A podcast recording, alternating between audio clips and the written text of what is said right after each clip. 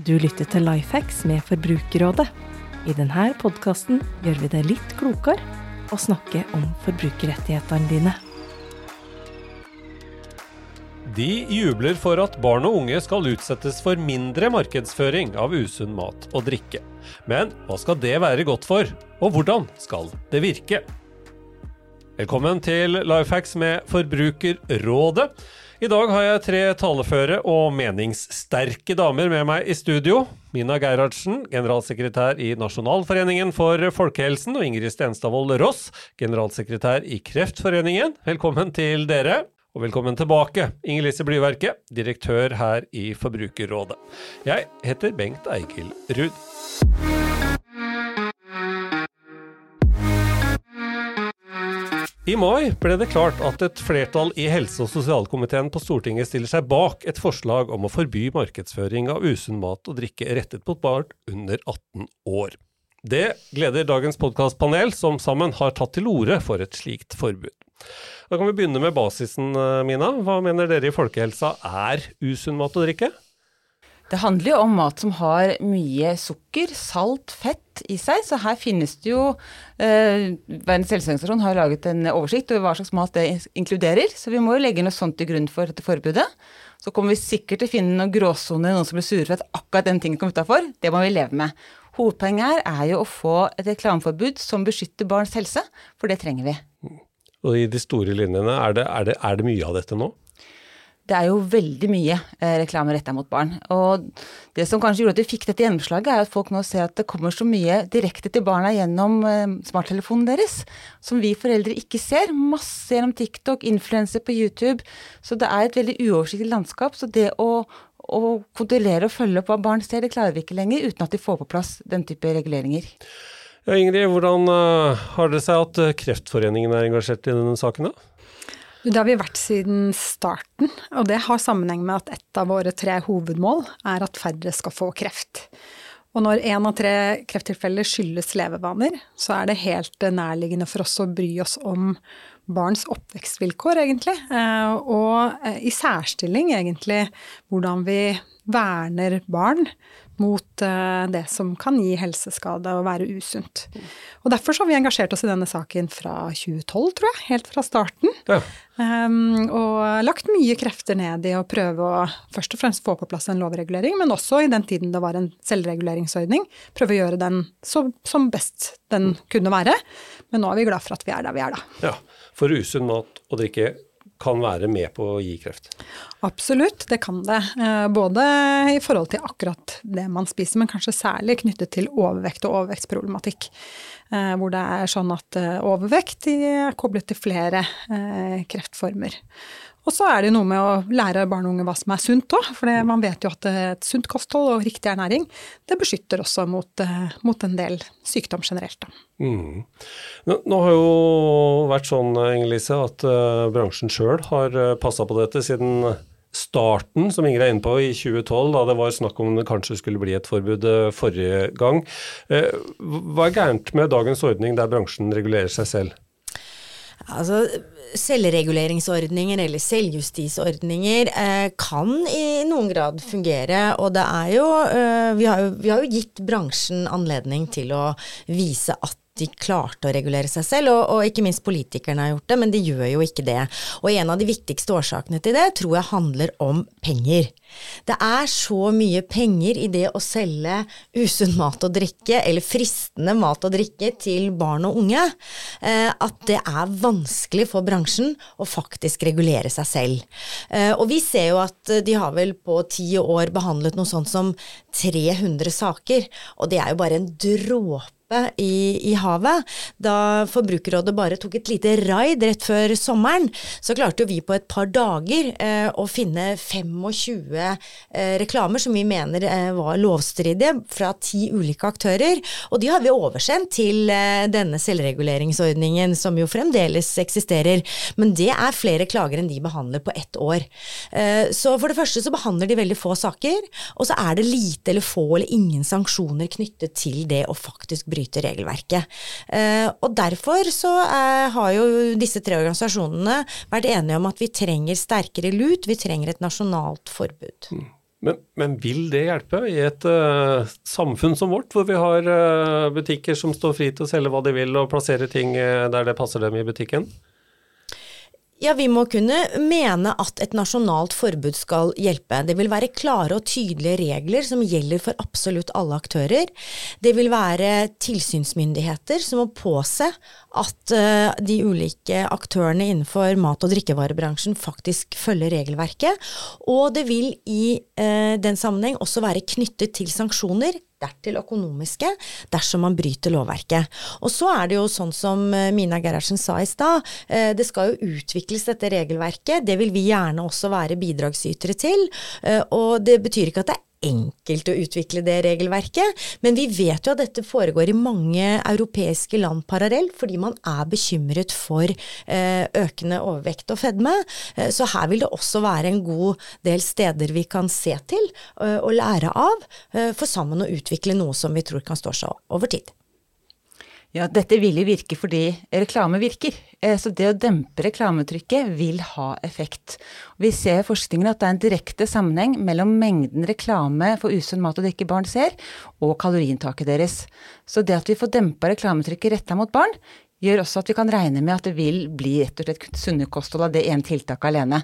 Så ønsker vi oss jo flere tiltak, men dette alene vil ha betydning.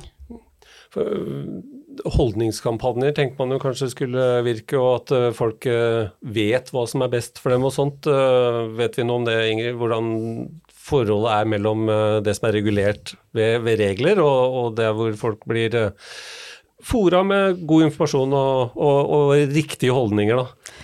Vi vet ganske mye om den, vi som jobber med, med folkehelse. Uh, og det er klart at det er, som Mina sier, det er summen av tiltak som alltid har størst effekt. ikke sant? Men det å faktisk regulere, og kanskje særlig markedsføring, uh, det virker. Vi har jo lang erfaring i Kreftforeningen med å jobbe mot tobakk.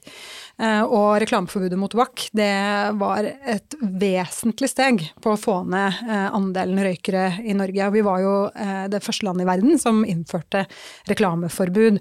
Og så er det klart at verden endrer seg, og det ser vi både på tobakk og usunne matvarer, og inntoget med sosiale medier, og liksom den eh, muligheten man har til å eksponere dette mot veldig rettete målgrupper, også barn, eh, det er blitt en utfordring på kosthold, men også på tobakk. Sånn at det å liksom nå bry seg om markedsføring mot barn og unge, det er kjempeviktig for folkehelsen. Så ser vi også at bransjen har jo her da, hele tiden prøvd å strekke i det regelverket som allerede fins, etablere lommer eller muligheter for å på ulike måter øke markedsføringstrykket. Og holdningskampanjer kan det være også veldig mye bra i, eh, men det står ikke motstrid til faktisk å regulere vekk den offensive og kommersielle markedsføringen som skjer. Eh, og det er fullt mulig å gjøre begge deler, da selvfølgelig. Mm. Eh, og disse tingene som ligger i markedsføringa og hvordan vi lever og, og, og, internett og disse tingene her, gjør jo at vi har fått tilgang på varer. Og, og hvordan vi spiser og lever har jo forandra seg ganske mye på den siste generasjonen bare. Eh, hva veit vi om sammenhengen mellom mat, bevegelse og folkehelse, og, og da retta mot de under 18, de barn og unge som vi snakker om her? Det har jo skjedd veldig mye med omgivelsene våre på noen tiår. Nå snakker vi om at vi har fedmefremmende omgivelser. Og vi har egentlig heldigvis kommet videre til å si at uh, fedme og overvekt er ditt personlige ansvar, skjerp deg. Men jeg skjønner at det handler om det rundt oss. Uh, og da handler det jo egentlig om tre ting. Det er pris, det er tilgjengelighet, og det er reklame. Så vi er nødt til å se på alle de tingene, for nå, altså barn i dag, de møtes av så enormt sukkertrykk, rett og slett. Det er tilgjengelig overalt, det er så mange anledninger. Så den summen av det de har rundt seg, og det de får gjennom reklame, blir veldig høy. Nå sitter vi dessverre med litt gamle vekttall for eh, barn i Norge. Vi venter på at de skal regne ut de nye FHI, men én av fem i de tallene vi har, har overvekt og fedme. Globale anslag er en økning på 100 av barnefedme innen 2035 hvis vi ikke gjør noe. fra, fra nå, fra eller nå. fra eldre tall? Fra, fra, fra nå. nå? Ja. Eh, det, er liksom, det, det er globalt anslag. Ja, men, Og så har det allerede starta? Vi har litt for dårlig datagrunnlag oppdatert i Norge, men det er ingen grunn til å tro at vi går fri fra en global fedmepandemi som også rammer barn. Så det at vi nå begynner å bli mer aktive på å begrense det, det betyr mye. Mm. Vi var innom internett, Inglise. Kjempe for et nasjonalt forbud når verden ligger åpen for disse barnas føtter gjennom telefonen deres og TV-kanaler og det de omgir seg med hver eneste dag. Tror vi på en effekt? Ja, det, det, tror jeg vi skal eh, med trygghet gjøre. Eh, for sånn som det blir sagt her, det å i det hele tatt redusere trykket vil i seg selv ha en effekt. Eh, og så er det jo sånn at de markedsføringstriksene vi har sett mye av, og som vi så i Forbrukerrådet da vi tok da denne kjappe kartleggingen rett før sommeren, den er veldig lokal, den. Den handler om at eh, leketøysforretninger som barn og unge vet godt hvor de finner, eh, kanskje bare en trikke- eller busstur unna, eh, reklamerer massivt for usunn mat og drikke. Og de vet at de kan dra dit. Det er, et, det er ikke bare nasjonalt, det er lokalt. Så det er klart at et nasjonalt forbud kan hjelpe. Og så er det også noe med å faktisk være, å gå i front. Akkurat sånn som det ble nevnt her, vi har jo gått i front tidligere tidligere eh, på annen type forbud. Her har vi en mulighet til å vise eh, at det går an å utvikle et regelverk som også andre kan ta lærdom av, og som kanskje også kan, kan spres. Mina, det ja, eh, rekker du på da Ja, jeg rekker på meg. Høflig. Og jeg følger opp Inger Listhaug, for det er klart at mye av det vi har sett, har jo vært lokale kiosker, norske influensere, den type aktører som har kjørt rein godterireklame mot ungene våre. Eh, og, så møtte jeg også i debatten sånn ja, men det går ikke an å regulere, verden er der. Men vi har jo masse erfaring med dette på tobakk, på alkohol, på pengespill. Så nå handler det om å bruke den kompetansen og de systemene vi har på andre varer vi har streng regulering på, også nå på dette feltet her for usunn mat og drikke. Så det, Jeg jobber mest med pengespill, eh, men vet du at her har vi fått til masse på å stoppe den reklamen som folk spammes ned av. Så dette er fullt mulig. Ingrid, dere i Kreftforeningen trekker fram Barnekonvensjonen også. Hva, hva, er det i Barnekonvensjonen som kan brukes uh, til å styrke regelverket her? Det, det, er ganske mye, og da er vi litt tilbake til vår erfaring med å jobbe mot tung industri. Og det vi kanskje så, hvis vi bare skal spole litt tilbake til 2012 da, og liksom se litt prosessen uh, over år, så uh, husker vi jo alle sammen uh, at uh, denne, kall det Kinderegg-saken, som handlet om tilgift, egentlig, han var lov å ha en gave med godteriet, den vippet jo på en måte hele saken i retning av selvregulering. Og da begynte jo egentlig det massive trykket fra industrien. Da begynte spørsmålet om skal det være 18-årsgrense, eller skal det være 15-årsgrense, eller skal det være 13-årsgrense? Skal det være hylleplassering, skal det være emballasje med, osv., osv. Da begynte man å hule ut det som var målet den gangen, i en selvreguleringsordning som ble mye daffere enn det første lovforslaget var. Mm. Og det er klart at eh, det vi vet om den type eh, industrifront, da, når det er tung industri, det er at eh, lovgivning er veldig effektivt. Og på tobakk igjen så har vi tobakkskonvensjonen. Og når det gjelder barns helse, så har vi barnekonvensjonen. Og det er klart at den har veldig sterk stilling i norsk rett. Den kan modige, ambisiøse politikere bruke for å å stå opp for barns helse. Og det er kanskje en av de viktigste grunnene til at vi skal bruke den. Det er fordi at retten til helse, retten som barn har til sunn helse, den er nedfelt i Barnekonvensjonen, og den forplikter oss, og den forplikter politikerne våre. Og vi har erfaring med at eh, det kan være tøft å være politiker og stå opp mot denne industrien, og industriens eh, ønsker om best mulig vilkår kommer på kant med folkehelse ganske ofte.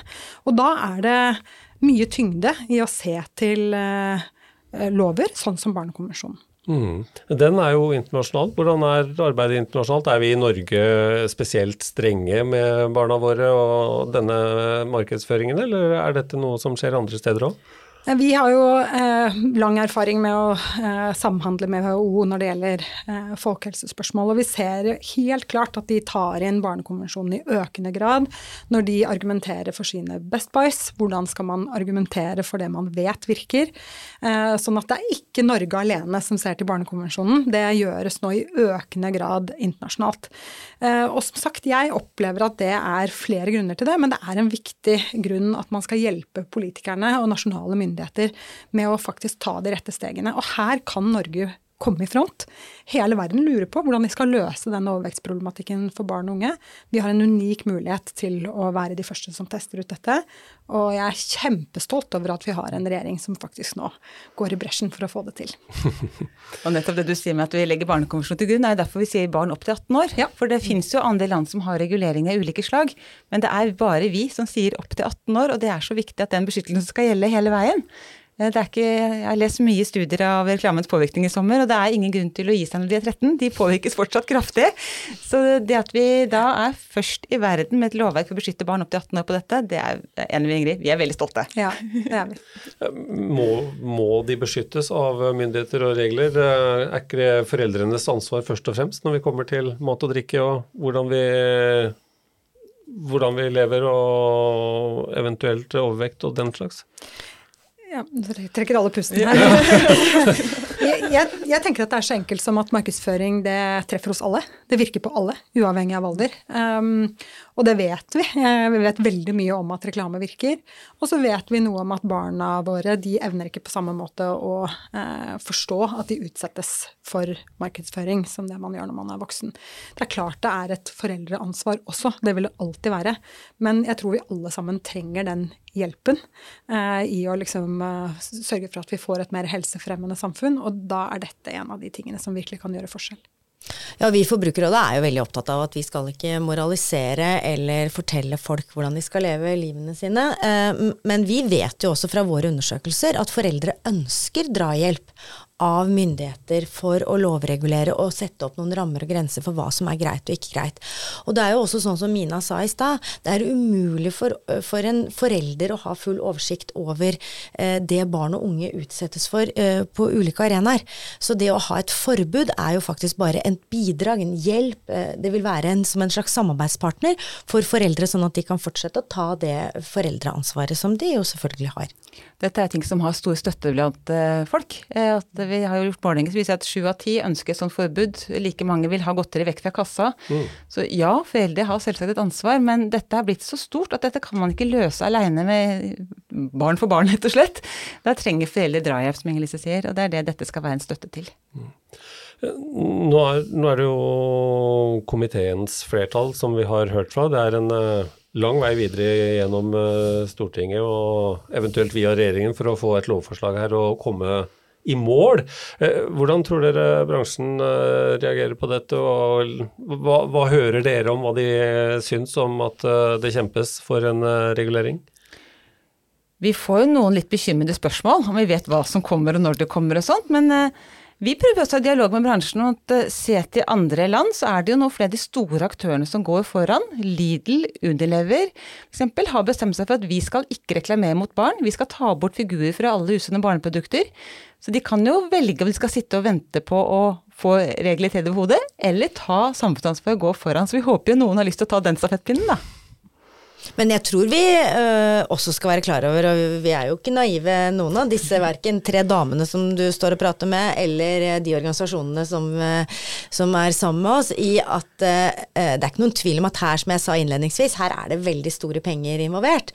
Og, at, og når vi så hvordan de agerte ved forrige korsvei, så er jo i hvert fall vi forberedt på at det også vil være et ønske om å problematisere, konfrontere, kanskje til og med også latterliggjøre, eh, og at det lobbyarbeidet som eh, stortingsvedtaket nå eh, egentlig har gitt grunnlag for, det vil vi bidra inn i, selvfølgelig. Og der har vi både veldig høy troverdighet, vi har mange gode støttespillere, ikke minst modige politikere som eh, både Mine og Ingrid snakker om. Eh, men jeg tror også at vi har ganske bra med både undersøkelser, dokumentasjon, andre eksempler og egen lobbykompetanse, som gjør at eh, de skal få møte motstand, denne bransjen i så fall. mm. Håpefulle, men ikke naive. Nei, det, det, er jeg helt enig i. og det, jeg, det, er litt tilbake til dette med jussen som virkemiddel. Vi har jo erfaring med å stå eh, skulder ved skulder ved, eh, med staten i to eh, rettssaker som handler om markedsføring, nemlig eh, oppstillingsforbudet for tobakk, eh, hvor Norge ble saksøkt av industrien, og ikke minst de reklamefrie pakkene, tobakkspakkene, hvor også eh, staten ble saksøkt av industrien. Og Det er jo litt derfor også jeg tenker at det er viktig å huske på det juridiske sporet, både når lover skal skrives, men også også hvilket regelverk vi er forpliktet av når det gjelder å eh, ivareta barns rett til helse. Eh, fordi til syvende og sist så handler det om dette tiltaket er proporsjonalt eller ikke. Er det, er det for inngripende, eller er det eh, ikke det i forhold til målet med, med, reguleringen, nemlig å ivareta barns helse. Og Da er det viktig å se til jussen, og det er litt derfor jeg mener at det er nyttig å bruke Barnekonvensjonen og bruke de reglene vi har, og også være med og være konstruktive og bidra til at det skrives hensiktsmessige lover på dette området. Tusen takk for at dere kom til Lifehacks med Forbrukerrådet. Vi blei litt klokere i dag også. Ingrid Stensavold Ross, Mina Gerhardsen og Inger-Lise Bryverket. Takk for at uh, dere som hørte på, gjorde det. Husk å abonnere på Lifehacks med Forbrukerrådet. Der sa det igjen. Så får du beskjed når nye episoder er å høre. Takk for at du hører på Lifehacks. Du får nye episoder fra oss annenhver uke. Abonner gjerne, så får du nye episoder der du liker å høre dem. Hvis du vil komme i kontakt med oss for ris og ros, eller vil dele din beste lifehack, send oss en e-post på lifehacks.forbrukerradet.no. For andre forbrukerhenvendelser er det de vanlige kanalene som gjelder. Du når våre forbrukerveiledere via kontaktinformasjon du finner på forbrukerrådet.no.